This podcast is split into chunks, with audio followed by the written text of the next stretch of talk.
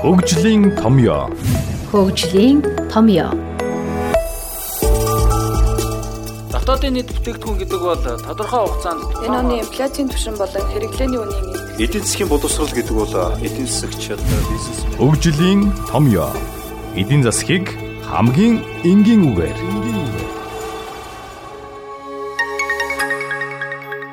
Бизнес радио 98.9 хөгжлийн томьёо нэвтрүүлэг эхэлж байна. Студид эдийн засгийн ухааны доктор Рахчаас өрөө оролцож байна. Тэгэхээр битэрийн өнөөдрийн ярилцах сэдв зээлийн хүүний тухай. Зээлийн хүү яг яаж тогтдог тухай яриага эхлүүлээ. Зээлийн хүү гэдэг бол зарим хүмүүс мөнгө хэрэгтэй байдаг. Янз бүрийн зорилгоор одоо худалдаа авалт хийх ч юм уу, хөрөнгө оруулалт хийх ч юм уу. Гэтэл нөгөө талд нь ядгүй гэхээр хэрэглэнээсээ давсан одоо орлоготой хүмүүс байж ах жишээд. Тэгээ ядгүй гэхээр энэ хоёрын хооронд одоо ингээ хүсэл зорилго нийлсэн юм одоо зах зээл үүсээд тэмчэнээс одоо энэ мөнгийг одоо хэдэн хувьтайгаар нэг нэгэндээ зээлэх вэ гэдэг асуудал үүсэж байгаа юм л да. Тэг мэдээж тэр мөнгөө зээлж байгаа хүн бол эргүүлж авахтаа бол яг хөөр энэ хооронд үүсэж байгаа инфляцийг бол давж явах хэрэгтэй гэсэн ойлголт байна. А нөгөө талд нь бол зээлдүүлж байгаа хүн бол бас яг хөөр ямар нэг үйл ажиллагаа явуулж байгаа учраас тэр хооронд нь хэрвээ юмны үн өсөх юм бол а тэрнээс бас ашиг олго орлно. Ашиг олж чадна гэсэн үг. Үний өсөлтөөс бол ашиг олж чадчихна гэсэн үг. Зээл авсан хүн бол тэр хооронд барааны үн өсчих юм бол тэр хүнийх гомдоод ах юм байхгүй. Нөгөө инфляцийг агуулсан одоо зээлийн хүү гэсэн үг шүү дээ. Тэр утгаараа бол тэр зээлийн хүүг нь бол буцаага төлж болно. А хамгийн гол нь яадаг вөхөр ихэнх тохиолдолд бол одоо зах зээл дээр байгаа энэ яг одоо 15% зээлийн хүү ч юм уу 20% зээлийн хүү гэхээс илүү зээлдэг зээлүүдээс хоёлоо бол юу хардаг вөхөр бодит зээлийн хүү гэж хардаг. Нэрсэн зээлийн хүүгээс инфляцийн түвшин ямар байсан бэ гэдгийг хасаад ер нь хэн яг хэдэн үеийн бодиттойгоор зээлийн хүү төлөөд байна вэ гэдэг тийм л юм төлж байгаа гэсэн. Зээлийн төвшин ер нь инфляцаас өндөр байх ёстой байдгүй зээлийн хүү. Тий одоо жишээлбэл хадгаламж хийж байгаа хүн бол одоо инфляцид идэвхрэхгүй байхыг төснө гэсэн үг те. Тэгэхээр дор хаяжил яадгүй гэхээр өгж байгаа зээлийн хүн маань инфляцтай тэнцүү байх юм бол тэр хүн эх жил болоо жилийн хугацаатай зээл өглөө гэж бодох юм бол дараа жил мөнгө эргүүл авах тэр нь үнц нь алдаагүй байх юм бол тэр хүнд бол ашигтай байх байна гэсэн үг. А зарим тохиолдолд миний түрүү ярьсан тэр бодит зээлийн хүн маань хасах байх тохиолдол байна. Жишээлбэл нэг хүнтэй хоёр хөлөө хилцэл хийгээд жилийн 10% хүртэл зээлийн гэрээ хийцэн байсан. Энэ хооронд одоо инфляц 5% гэж бодож байсан бол ямар нэгэн шалтгаанаас 15% бол өссөн байж болно л доо. Тэгэх юм бол нөө зээл төлсөн хүн маань эргүүлээ мөнгө авахдаа 5% алдагдaltaй болсон чинь шүү дээ. Тийм тохиолдол бол байна л доо. Зээлийн хүү ер нь бага байснаар улс орны хөгждөг юм уу? Зээлийн хүү өндөр байснаар нь улс орны хөгжилт нөлөөлдөг юм уу? Ер нь бол хөгжлийн үндсэн шалтгаан бол юу юм бэ гэхээр хоёр юм байгаа. Нэгдүгürt нь бол капитал хуримтлал гэж байгаа. Тэр нь бол хөрөнгө оруулалтаар хийгдэж байгаа зүйл. Манай улсад одоо асар их хэмжээний бүтээн байгуулалт хийгдэл. А тэгээ яваад ах юм бол ер нь бол капиталын нөөц одоо одоо бидний байшин байрлал, дэд бүтц энэ нэмэгдэхин гэрээр бол а нэг хүнд ногдох капиталын хэмжээ гэж байгаа юм л да. Капиталын нөөц нэмэгдээд тэр утгаараа бол илүү ихийг үйлдвэрлэж чаддаг болно гэсэн санаа явж байгаа. А нөгөө талаар бол яг хөөхөр ер нь бол техник технологийн дэвшил, бүтээмжийн өсөлт гэж ярьж байгаа. Ер нь бол одоо тогтмол хэмжээний капиталтай байгаа мөртлөө илүү ихийг үйлдвэрлээд авах юм бол тэр нь бол нэг хэмжээгээр бүтээмжийн өсөлт бий болж байна гэсэн ийм хоёр шалтгаанаар бол эдийн засгийн өсөлт бол урт хугацаанд болоо бий болж байгаа. А зээлийн хүн маань нөгөө талдаа яаж холбогдох вэ гэхээр одоо үйлдвэрлэл явуулаад тэнцэнээс олж байгаа ашиг үн тийм ээ. Тэр ашиг бол ерөнхийдөө юуг тодорхойлж идэггүй гэхээр тэр зээлийн хүнтэй яаж холбогдож идэг. Хэрвээ одоо аль нэг салбарт ашигтай салбарууд байна. Эдийн засаг бүхэлдээ айгүй ашигтай байлаа гэж бодох юм бол энд бол ямар нэгэн хэмжээгээр хөрөнгө оруулалт хийх юм бол тэрний үр өгөөж өндөр байна гэсэн санаа яваад нас. Хөрөнгө оруулалт хийгээд өндөр үр өгөөжтэй байх юм бол тэрийгээ дагаад зээлийн эрэлт өндөр байна. Зээлийн эрэлт өндөр байгаа учраас одоо зээлийн зах зээл дээр бол зээлийн хүн өндөр байх болцоотой. Хэрвээ цаана одоо нөгөө хадгаламжийн хэмжээ маань хязгаарлагдмал ийм байгаа тохиолдолд тийм.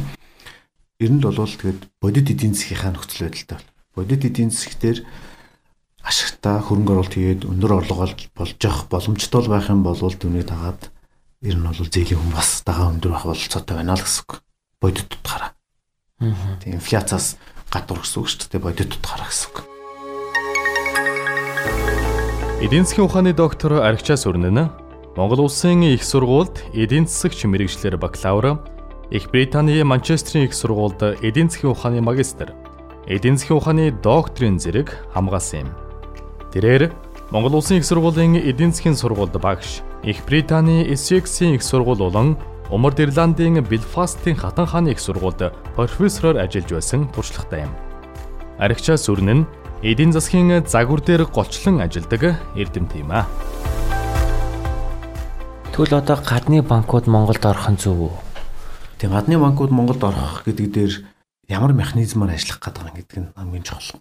За одоо жишээлбэл гадны банкнд зөвшөөрөл өглөө гэхэд банк орж ирчээд яг манай банкуд чиг хадгаламж яг авдаг шигээр аваад тэгээ зээл олгодгоор олгоод байж байгаа юм бол энд бол янз бүрийн онцгой өөрчлөлт гарахгүй байх л та. Аа зүгээр өрсөлдөө нэмэгдэх бах. Тэр утгаараа бол яг үгээр хадгаламжийн хөв зээлийн хөв хоёрын хоорондын зөрөө бас жоохон багасч магадгүй. Гэхдээ уран сүүлийн 20 жилийн туршид бол энэ зөрүү бол асар өндөр байсан шүү дээ. 20 жилийн өмнөөс нь зөрүү яванд яванд буурсаар буурсаар буурсаар харьцангуй бага болчиход байгаа гэсэн. Хэрвээ гадаад банк орж ирлээ гэхэд хадгаламжийн их үүсвэр нь хаанаас вэ гэдэг асуудал байж байна. Дотоодоос биш шууд гадны их үүсвэрээ шууд аваа ороод ирдэг байж болно л доо тий. Тэгэх юм бол тэр их үүсвэр бол шууд дотоодын эдийн засаг зээл болж гарна гэсэн санаагаараа өөрөөр хэлбэл хадгаламжийн зах зээл дээр илүү их хэмжээний нэмэлт хадгаламж орж ирж байна тийм ээ. Тэр утгаараа хүү бол буурна гэсэн санаа бол тэнд явж байгаа хэвээр. А тэр нь бол мэдээж засаг төр ашигтаад байж их хэмжээний гадны капитал орж ирээд зээлийн хүү буурах юм бол а зээл авч байгаа хүмүүс хөрөнгө оруулагчдын хувьд бол ашигтай нөхцөл байдал үүсч болно гэсэн.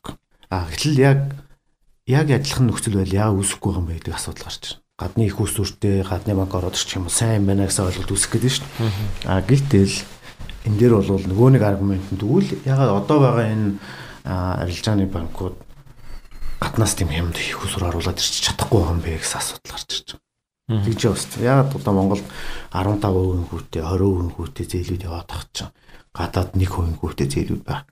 Жилийн шүү дээ тийм байж байгаа. Тэгэхээр энэ дээр юу үүсдэггүй гэхээр энэ нь бол тодорхойгүй байдал эрсдэл гэсэн ойлголт гарч ирж байгаа гэсэн. За тэнд одоо 1% хүүтэй хүн манай энэ дээр 15% хүүтэй яг үхээр тэр хүмүүс доллар оруулж ирчээд нөгөөдг нь төгрөг болоод тэгээ буцаад жилийн дараа доллар болоод гарах юм бол тэд нэр яг тэндээ доллар утгаараа ямар хэмжээний ашиг олсон бэ гэдгээ тооцно гэсэн үг тийм.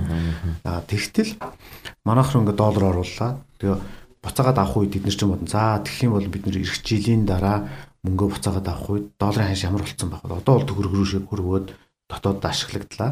Тэгчээд эргүүлээ бид нар төгрөгөө аваад төгрөгөө эргүүлээд доллар болгоо буцаагаад авна.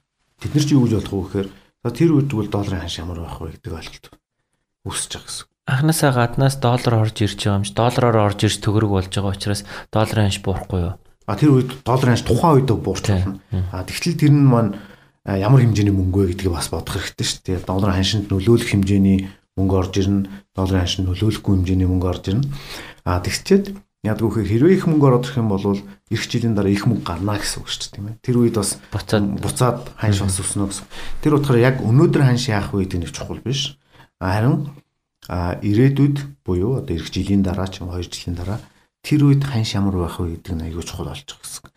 Тэрүнд юу нөлөөлөд байгаа вэ гэхээр одоо манай улсын эдийн засгийн үндсэн тулгуурхчин зүйлс нөлөөлж байгаа гэсэн. Одоо яг уул уурхаагаас хамааралтай эдийн засаг тэгээд хамгийн том сектор нь уул уурхаа ер нь сүүлийн жилүүдэд манай энэ зээлийн хүү биш ер нь эдийн засаг маань аягүй юм тогтургүй байлаа ш. Нэг унж үзээл, нэг босч үзээл тийм ээ.